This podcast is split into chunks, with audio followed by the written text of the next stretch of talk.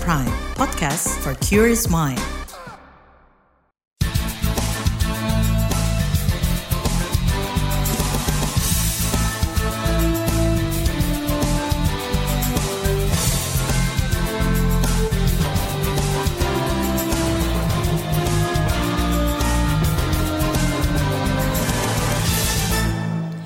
Halo saudara, senang sekali kami bisa menyapa Anda kembali melalui program KBR Sore edisi Rabu 26 April 2023. Saya Aika kembali menemani Anda selama kurang lebih 30 menit ke depan. Sore ini kita membahas arus balik lebaran 2023. Saudara, pemerintah resmi menerbitkan surat keputusan bersama SKB baru terkait pengaturan lalu lintas jalan selama masa arus balik tahun ini. SKB ini merupakan tambahan dari SKB sebelumnya yang telah diterbitkan 5 April lalu. SKB baru ini menambah pengaturan lalu lintas di tanggal-tanggal yang belum ditetapkan sebelumnya. SKB antara Kementerian Perhubungan dan Korps Lalu Lintas Kakor Lantas Polri ini memperbarui jadwal penerapan tiga rekayasa lalu lintas, yaitu kontraflow, ganjil genap, dan satu sistem satu arah atau one way. Lantas apa saja tiga rekayasa lalu lintas baru selama masa arus balik itu? Bagaimana pula aparat berwenang mengantisipasi kemacetan lalu lintas arus balik pada jalur-jalur arteri atau nontol? Selengkapnya kita bahas di KBR sore.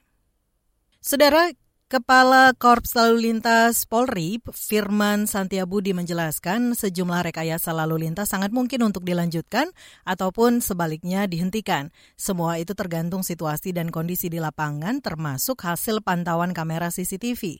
Firman menegaskan penerapan rekayasa lalu lintas dilakukan agar jangan sampai visi rasio atau volume per kapasitas kendaraan naik menjadi angka satu yang artinya arus kendaraan benar-benar tidak bergerak. Semuanya memungkinkan. Jadi selain prediksi, persentase, kita juga melihat existing pantauan CCTV yang ada. Dan kita melihat, kita berharap bisa tergelar dengan baik sehingga uh, kita mempertahankan uh, visi rasio itu tidak sampai ke angka satu. Angka satu harusnya berhenti. Nah, jadi ketika akan mulai naik, kita sudah upaya-upaya kita sudah menyiapkan Cisumdawu dan Japek Dua Selatan sebetulnya untuk memecah beban Cipali. Termasuk saya katakan tadi ganjil genap. Ya, kalau ternyata itu harus saya ambil genap hari ini, yang ganjil yang mau masuk kami tahan silakan menggunakan arteri. Saya menyarankan perjalanan dilaksanakan malam hari karena malam hari masyarakat lokal istirahat. Tidak ada pasar tumpah pada pada, pada pada siang hari. Ini bisa dimanfaatkan sehingga penting buat masyarakat bahwa untuk lancar tidak harus selalu lewat jalan tol. Pernyataan Kakor Lantas Polri itu pun terbukti. Hari ini, saudara, tiga rekayasa lalu lintas baru selama masa arus balik ditetapkan.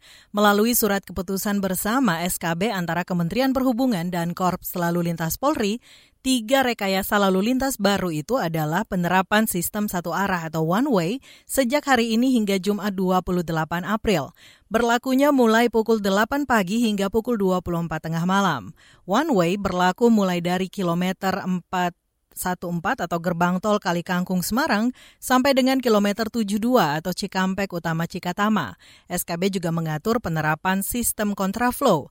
Pemberlakuannya sama dengan sistem satu arah yakni mulai hari ini hingga Jumat lusa. Penerapannya mulai pukul 8 pagi sampai pukul 24 tengah malam. Dimulai dari kilometer 72 atau Cikampek Utama, Cikatama, sampai dengan kilometer 47 atau Kerawang Barat. Diatur pula penerapan sistem ganjil genap. Ketentuannya adalah waktu pengaturan GAGE diberlakukan pada hari ini hingga Jumat lusa setiap pukul 8 pagi sampai pukul 24 tengah malam. Sistem ganjil genap diberlakukan mulai dari kilometer 414 atau gerbang tol Kalikangkung Semarang sampai kilometer 47 atau Karawang Barat. Sementara itu, Saudara Ditjen Perhubungan Darat Kementerian Perhubungan memperkirakan jumlah kendaraan yang masih belum melakukan perjalanan balik hingga hari ini ditaksir 808 ribu kendaraan. Ini sama dengan 82 persen dari total jumlah kendaraan pemudik. Bila 808 ribu kendaraan tadi dibagi hingga 6 hari arus balik ke depan, maka lebih dari 134 ribu kendaraan per hari akan memadati arus balik. Dan untuk mengantisipasi potensi kemacetan kendaraan saat arus balik, khususnya di kilometer 66 hingga kilometer 48 ruas tol Jakarta Cikampek, Dirjen Perhubungan Barat maksud kami Dirjen Perhubungan Darat Hendro Sugiatno bertindak cepat, yakni dengan membatasi operasional kendaraan angkutan barang. Pembatasan ini dituangkan dalam SKB bersama dengan Korlantas Polri. Hendro menegaskan pembatasan operasional kendaraan angkutan barang diperpanjang hingga 2 Mei pukul 8 pagi. Apabila dilakukan pembatasan kendaraan angkutan barang, namun tidak dilakukan rekayasa, lalu lintas, maka akan terjadi kepadatan lalu lintas dengan di segmen kilometer 66 sampai dengan kilometer 48 Jakarta Cikampek dengan volume per kapasiti sebesar 0,90.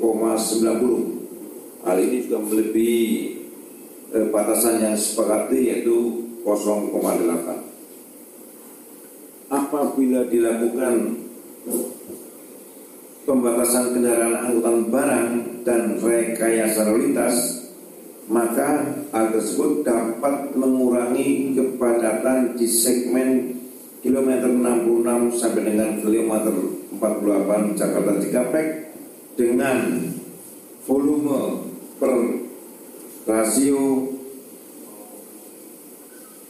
yaitu sebesar 0,74 di bawah batas yang disepakati yaitu 0,8. Itu tadi Dirjen Perhubungan Darat Kementerian Perhubungan Hendro Sugiatno. Sementara itu, Kepala Korps Selalu Lintas Polri, Firman Santiabudi bersama jajarannya bertekad akan melakukan cara bertindak yang humanis. Hal ini dilakukan bila masih terpantau adanya kendaraan angkutan barang yang melanggar SKB dengan melintas pada ruas jalan tol. Firman berjanji kendaraan angkutan barang tersebut akan diarahkan keluar melalui pintu keluar tol atau exit tol terdekat.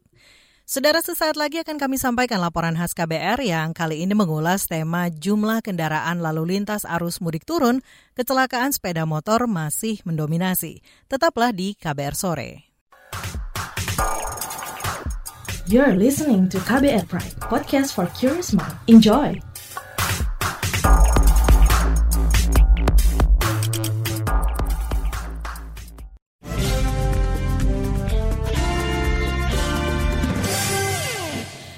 Saudara pemerintah menyebut angka kecelakaan lalu lintas saat arus mudik Idul Fitri tahun ini turun hingga 39 persen.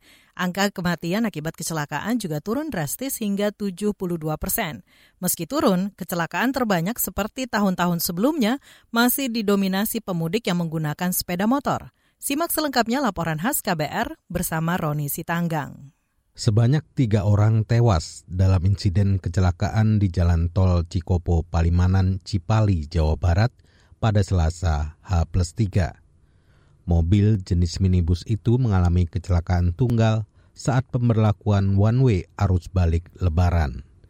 Kepala Departemen Trafik dan Security Tol Cipali, Prayogi, mengatakan insiden itu terjadi di ruas tol arah Jakarta hari ini hari Selasa 25 April memang telah terjadi uh, laka lantas di ruas uh, Aspal Cipali kilometer 153 di kita menyebutnya jalur one way jalur uh, Ambon yang harusnya digunakan ke arah timur ini digunakan one way satu arah ke arah uh, Jakarta. Ini kecelakaan yang terjadi adalah kecelakaan tunggal dari kendaraan jenis kendaraannya Grand Max dengan berpenumpang kurang lebih tujuh uh, orang, namun di antaranya satu orang meninggal di TKP, lalu dua uh, orang atau dua pengguna jalan meninggal di rumah sakit. Kepala Departemen Trafik dan Security Astratol Cipali Prayogi mengatakan, dari penyelidikan sementara, kecelakaan terjadi diduga karena supir mobil mengantuk. Pemerintah menyebut angka kecelakaan saat mudik lebaran tahun ini turun drastis. Jumlah kecelakaan lalu lintas turun 39 persen dibanding tahun lalu.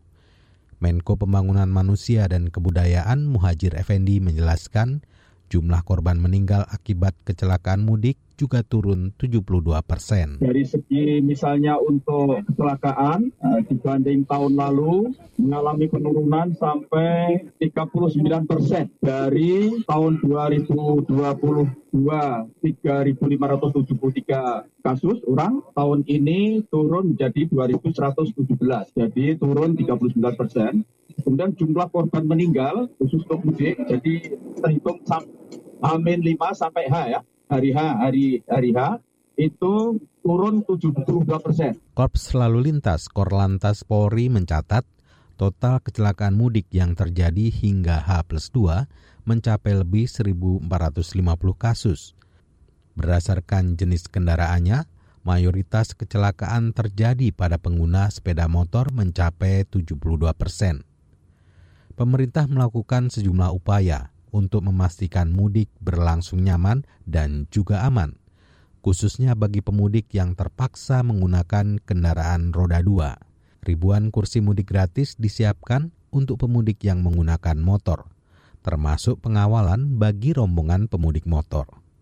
Kapolda Jawa Tengah Ahmad Lutfi mengatakan pengawalan dilakukan aparat mulai dari pintu masuk Jawa Tengah di Kabupaten Brebes. Termasuk rekan-rekan sekalian, himbauan saya kepada pemudik yang pakai kendaraan roda dua. Jadi kita sudah tetapkan roda dua itu nanti ada checkpoint kita di pintu masuk Brebes.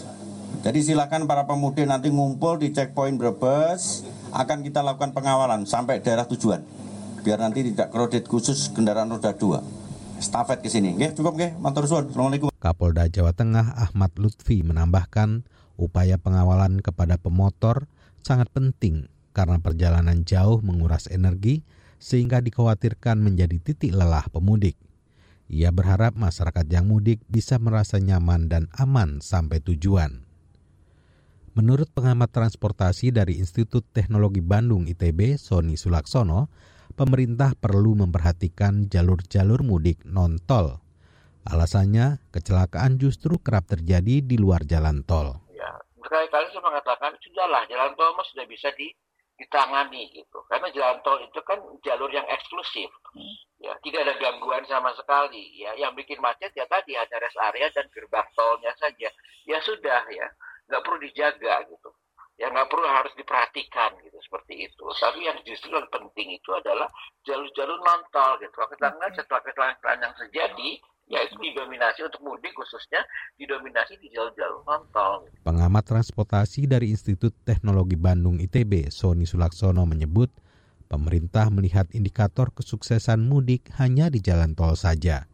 Padahal ukuran keberhasilan dari penanganan mudik dan arus balik harus dinilai secara keseluruhan, bukan di tol saja, tapi juga pada jalur arteri, jalur wisata, indikator pelayanan di pelabuhan, dan bandara. Demikian laporan khas KBR, saya Roni Sitanggang. Saudara pengelola jalan tol mengapresiasi pemberlakuan sejumlah rekayasa lalu lintas karena berhasil mengurai kepadatan kendaraan arus balik. Informasi selengkapnya akan kami hadirkan sesaat lagi. Tetaplah di KBR sore. Commercial break. Commercial break. Anda sering gelisah, tidak bisa tidur nyenyak Selalu merasa ada yang merasuki pikiran Anda. Ini bukan iklan horor atau cerita seram. Tapi kalau Anda mengalami hal seperti itu, Anda pasti ketinggalan berita terupdate yang lagi ramai diperbincangkan. Gak mau kan dibilang ketinggalan berita?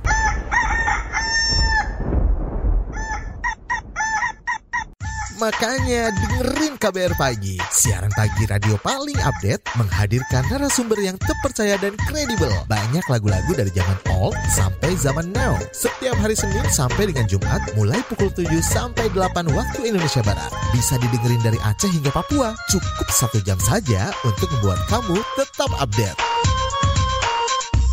Woi, ayam siapa nih? Berisik, saya mau dengerin kabar pagi.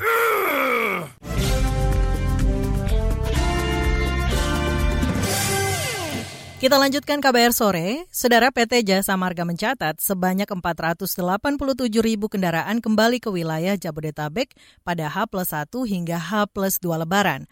Total volume lalu lintas yang kembali ke Jabodetabek ini meningkat 88 persen jika dibandingkan lalu lintas normal dengan total 258 ribu kendaraan.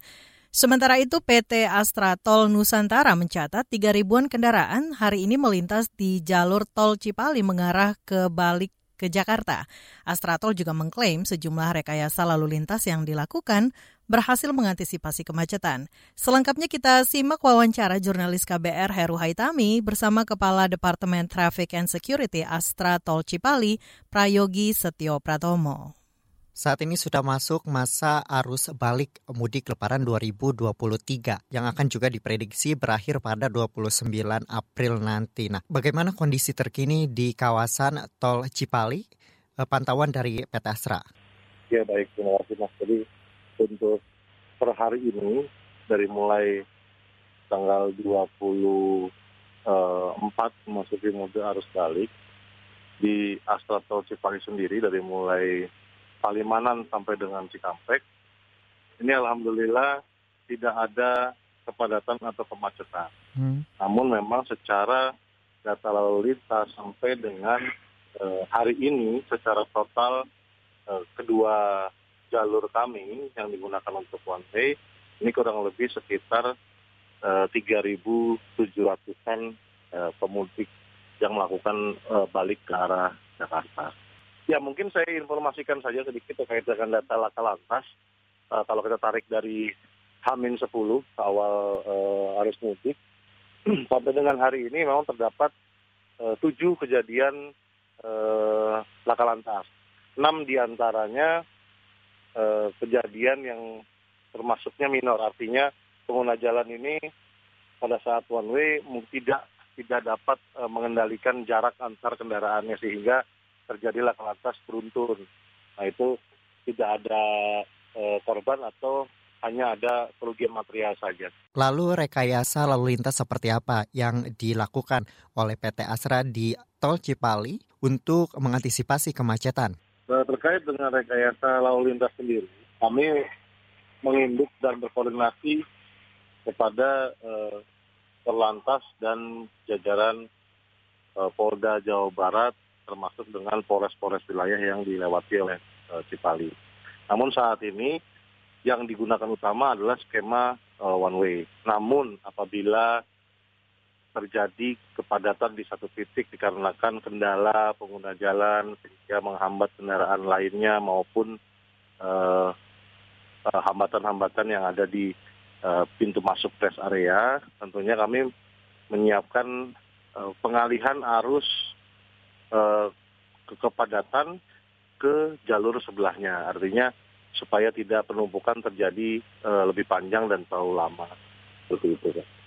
Lantas bagaimana jadwal pelaksanaan rekayasa lalu lintas tersebut? Kapan one way dilakukan dan juga kapan kondisi normal? Ya, kalau kalau one way sendiri kan sebenarnya sudah dijadwalkan. Eh, Yang rencananya memang semula akan berakhir di di jam 24 00 dinormalkan kembali jalurnya, lalu dimulai besok pagi lagi jam uh, eh, 8 pagi. Cuma uh, melihat dari situasi dan uh, kondisi, itu termasuk diskresi dari Korlantas, kami juga harus mengikuti, nah, maka one way ini diperpanjang sampai dengan rencananya uh, hari ini jam 24.00. Namun tidak menutup kemungkinan apabila nanti uh, Korlantas Eh, melihat situasi dan harus diperpanjang kembali ya tetap kita uh, mengikuti kebijakan tersebut. Kami tetap mensuplai atau menginformasikan data-data lalu lintas yang ada di ruas kami kepada uh, Pak Kakor Lantas sehingga itu bisa menjadi uh, pertimbangan beliau nanti ke depan. Apakah saat menjalankan rekayasa lalu lintas ditemukan hambatan dan jika iya apa hambatan tersebut? Ya, kalau uh, ini tentunya di sepanjang ruas kami kan juga ada pores-pores uh, wilayah yang membantu. Tentunya pada saat tadi yang sudah saya sampaikan, apabila ada kepadatan uh, kendala kendaraan pengguna jalan di bahu jalan, tentu itu menjadi hambatan atau uh, kepadatan di titik tersebut.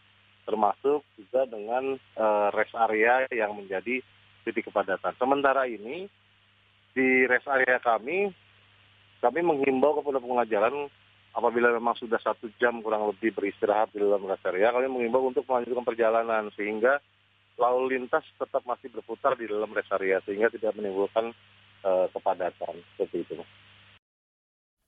Itu tadi perbincangan jurnalis KBR Heru Haitami dengan Kepala Departemen Traffic and Security Astra Tol Cipali Prayogi Setio Pratomo. Saudara pakar transportasi mengingatkan Polri untuk tidak sembarang menjadikan jalur arteri atau non-tol sebagai jalur alternatif arus balik guna mengurangi kemacetan lalu lintas di jalan tol. Kepolisian harus benar-benar hadir dan melayani dengan menugaskan personilnya di jalur-jalur arteri yang rawan kemacetan dan kecelakaan. Selengkapnya akan kami sampaikan usai jeda, tetaplah di KBR sore. You're listening to KBR Pride, podcast for curious mind. Enjoy!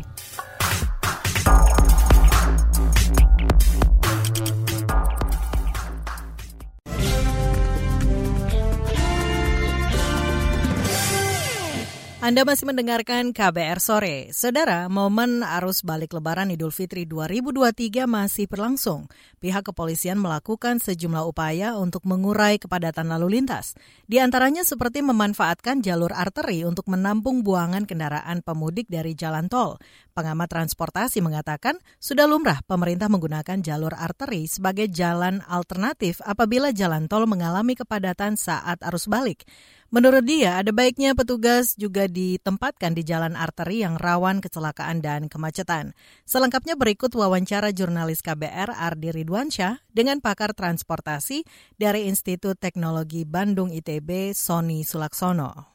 Menurut Mas, bagaimana dengan langkah kepolisian memanfaatkan jalur arteri di momen arus balik lebaran? Ya selama ini kan memang diperlakukan seperti itu gitu. Ya, jadi fokus untuk mudik dan balik itu kan jalan tol ya. Makanya dibuat kontraflow atau dibuat uh, one way ya. Sehingga arah berlawanannya itu diminta uh, menggunakan arteri ya. Dan ya, sebenarnya kurang tepat juga dikatakan buangan jalan tol gitu. Kesannya itu adalah uh, mudik itu adalah tol ya. Padahal tidak gitu. Ya kalau kita bicara tentang mudik itu kan tidak harus pengguna mobil roda empat saja. Ada motor ada angkutan umum segala macam gitu. Itu harus punya perlakuan yang sama gitu. Ya nggak bisa kita uh, prioritasnya mudik hanya tol, sementara yang lain adalah buangan. Kira kurang tepat itu istilahnya. Biasanya di mana saja titik kemacetan di jalur arteri dan apa penyebabnya? Ya kalau arteri kalau kita lihat arterinya uh, Pantura kan sebenarnya kan permasalahannya itu kan adanya penyempitan ya kemudian lebar jalannya tidak seragam kekerasan jalannya tidak sama terus juga banyak aktivitas warga banyak motor, ya kendaraan-kendaraan tidak bermotor, angkot, ya itu yang jadi hambatan-hambatan ya bagi perjalanan di arteri, ya. Ya sementara kalau di tol itu kan relatif tidak ada semua ya. Sebenarnya macetnya di tol itu hanya di rest area dan pintu, jadi sebenarnya nggak masalah, ya. Ya saya pribadi ngelihat kalau sebenarnya kalau untuk mudik tol biarin aja gitu. Nggak usah diatur terlalu uh, terlalu sering gitu ya. Nggak usah diatur terlalu apa dibuat macam-macam gitu. Dibuat aja kontraflow dijadwalkan selesai gitu. ya biarin macet tapi kan macetnya di tol terkendali. Tapi kalau macetnya di arteri kan tidak terkendali. Apa yang mesti dilakukan pihak kepolisian guna mengurai kemacetan di jalur arteri? Kalau macet nggak bisa dihindari. Pasti terjadi ya. Itu perlu kita kita kita pahami. Tapi ya kalau memang arteri itu dijadikan jalur alternatif ya sebagai alternatif tol yang dibuat one atau dibuat uh, kontraflow, maka penjagaan harus banyak dilakukan di jalan arteri, bukan di jalan tol. Selama ini kita perhatikan banyak ya penjagaan, pengawalan itu dilakukan di uh, pintu tol, di rest area gitu. Sementara di jalan arteri itu diserahkan pada pemerintah daerah ya, pada pramuka bahkan seperti itu. Itu memang kurang tepat gitu ya jadi memang selalu menjadi anak dirikan. Padahal isu kemacetan yang paling parah uh, keselamatan itu banyak terjadinya di uh, jalan non tol gitu. Ya apalagi jalan alternatif ya. Itu juga perlu perlu jadi perhatian oleh pemerintah gitu, dalam kasus mudik ini gitu. Itu tadi pakar transportasi dari ITB Bandung Sony Sulaksono Wibowo Saudara informasi tadi menutup jumpa kita di KBR Sore edisi Rabu 26 April 2023. Pantau selalu informasi terbaru lewat situs kbr.id, Twitter kami di akun @beritaKBR serta podcast di kbrprime.id. Saya Aika bersama tim yang bertugas undur diri. Salam.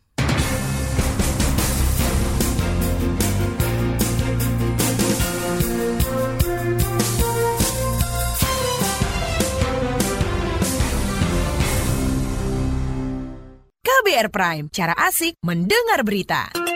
KBR Prime, podcast for curious mind.